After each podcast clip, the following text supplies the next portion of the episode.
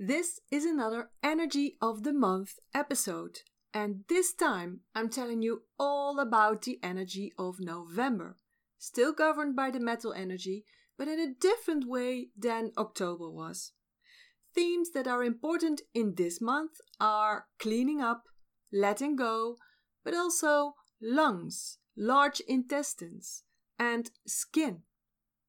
Do you want to know how this information can help you master your energy so you can master your life? Then stay tuned because you will love this episode in which I also have three challenging awareness questions for you and a little energetic to do list to get you going. Welcome to the Energy Management Show, where you learn how to master your energy so you can transform your life. I'm your host, Janine Hofs, an energy master with 27 years of experience. I'm determined to take the woo woo out of energy building and recharging and give you practical advice to help you make that shift on the inside so you can transform your life on the outside because you deserve that. So, join me on this energy journey and transform your life now. Hi there, and welcome back to the Energy Management Show, the podcast. I'm so glad you are here to listen to what I have to tell you, and I'm especially happy with the fact that you took the time in your busy schedule because I know you are busy to learn something today. To learn something about energy, about energy management. Because you know my credo when you master your energy, you master your life. And that means that you can start living your life on your terms, like I do. And I can tell you that feels amazing, people. Whether you're talking about health or emotional balance or relationships, your love life, family life, or me time, self care, and fun, or even money, your job, or your business success you can live your life on your terms and have lots of energy, success, fun, and love in all these areas of your life. And I want that for you. That's why I am here today to teach you, because I'm a teacher in heart and soul, everything you need to know about your energy, because that is the secret to everything, my friends. And don't forget, if you don't want to miss a thing, subscribe to this podcast or go to masteryourenergycommunity.com where you can join my private Facebook group for free and you can chat with me or ask me questions. So go to masteryourenergycommunity.com. Today, I have another Energy of the Month episode for you because every month is governed by an energy. And when you align with that energy, your life will be so much easier. It'll give you more health and more energy. You will work and live in flow instead of having the feeling that you're fighting for or against everything. Your life will cost you less energy. So will your relationships, your work, or your business. This time, we're talking about November, still under the influence of the metal energy, but in a slightly different way than last month. Now, what's happening in nature? In the meantime, it's obviously autumn. Yang energy is retracting more and more. We have fewer sun hours and it's getting much colder. I don't know about you, but I'm already wearing my gloves because I like dry and warm hands, even though everybody thinks I'm a softie. There's less color in nature, fewer flowers, most of the crops are harvested. You see those beautiful mushrooms popping up everywhere. Trees, they're changing colors and, and seem to look different every day, and they drop their leaves. And we regularly have harsh weather uh, with rain and, and lots of wind, it's definitely autumn. So, now what's happening with your energy? When you get up in the morning, it's still dark. And the evenings are rapidly getting shorter too. And that makes that we want to withdraw too, cocoon, stay inside with a nice hot cup of chocolate in front of the fireplace or snug as a bug in the rug on the couch with a good book. Don't you feel that too? It's a good thing to allow yourself to do so because we are a part of nature and it's good for us to, to go along with that movement. I really feel that in my body the urge to slow down, to retreat, to be more yin, calmer, more quiet, more turned inwards. So that's what I give myself, what I allow myself. Otherwise, it would be like swimming against the tide, fighting the laws of nature, and that's bad for me, for my body, for my health, but it will also create problems on an emotional and spiritual level. Especially when metal energy is your dominant energy, or when you have metal energy related health problems, you should take very good care of this part of your energy. Do you know what your dominant energy at this moment is? You can test it for free in two to three minutes on janinehofs.com slash free test. When you go to my website, to the show notes of this episode, you will find the link there. In the show notes, you will also find links to episode 2 and 22, in which I talked in depth about the five elements and the metal energy in particular in, in episode 22. So listen to those episodes again if you want to know if you have any metal energy related health problems. As always, I have some thought provoking awareness questions for you. Questions that will give you insights and will help you to take the right action. Actions that are in tune with the November metal energy. So, Make sure you have a pen and paper ready. Stop multitasking and give me your full attention. This way, you will get the most out of my tips and advice. Well, are you ready? Okay, here is question number one. And it has everything to do with cleaning and tidying up, literally. So, physically, in your home, your living room, your bedroom, your office or your workspace because these are very important rooms or, or spaces for your energy. Now ask yourself these questions. If you are very honest with yourself, which spaces or areas in those rooms or spaces annoy you a bit, or maybe a bit much? So be very honest. In your mind, Walk through your house or your workspace and notice where your attention wants to go, which places cost you energy, dim your light.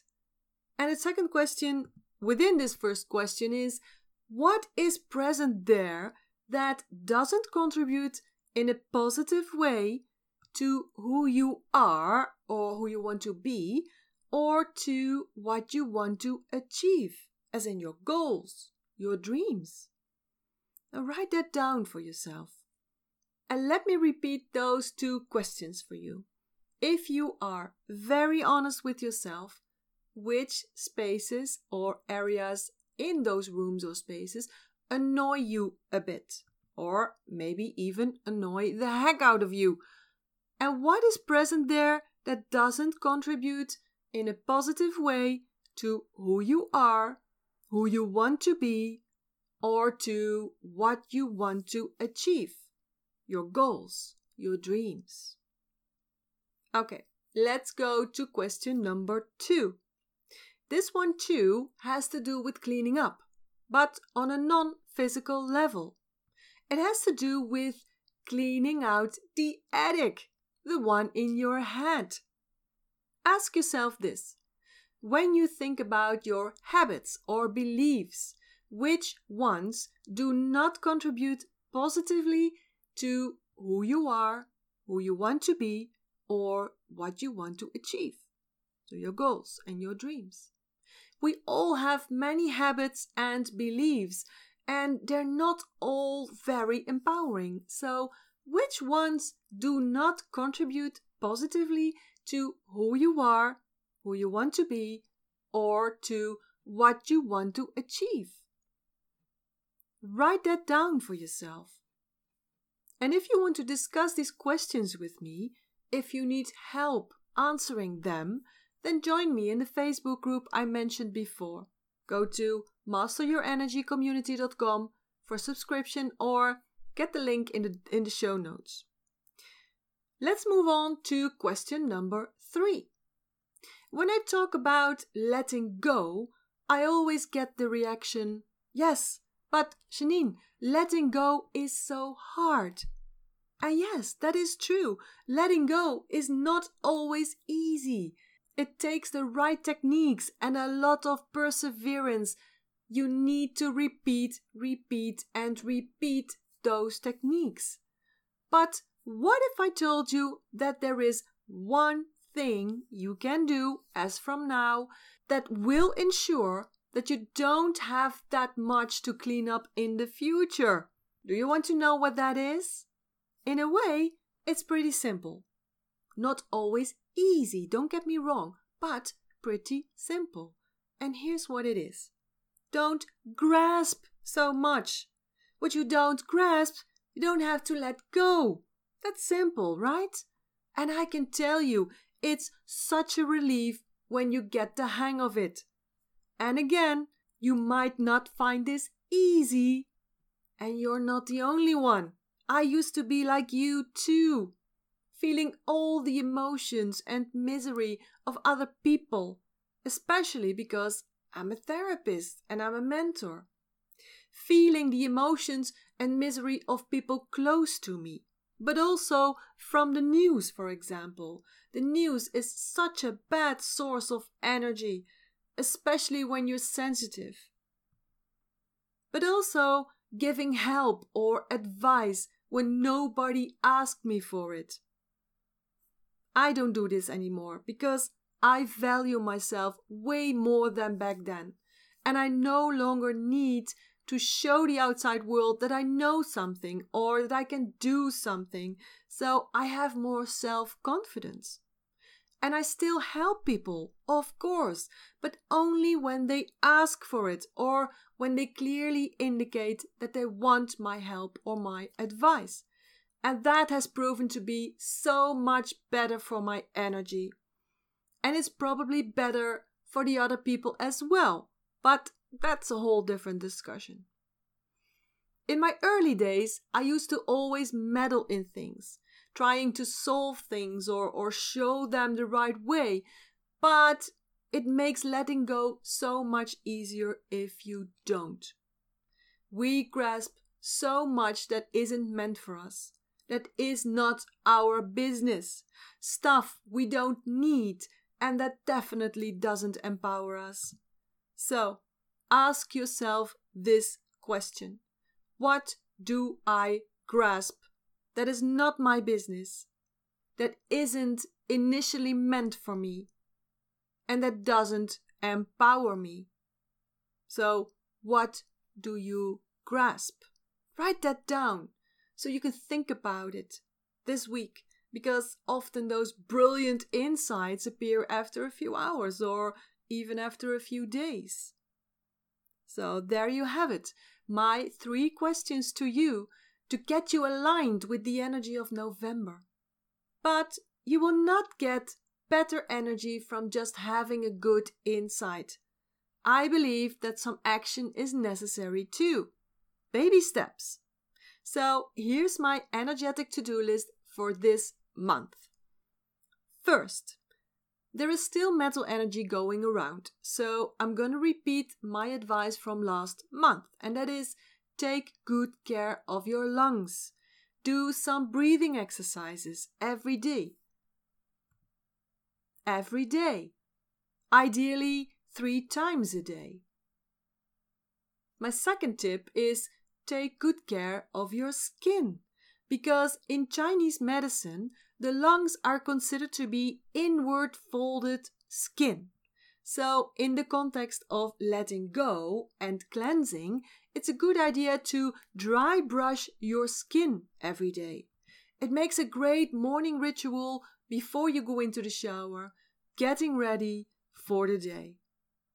And my third and final tip is decide for yourself how much time you can devote every day to doing some energy work. And for this month, that can be cleaning and decluttering spaces like your bedroom, your living room, your workspace, or cleaning out the attic in your head, or focusing on not grasping things. And a golden tip in this is observing. Observing instead of grasping things.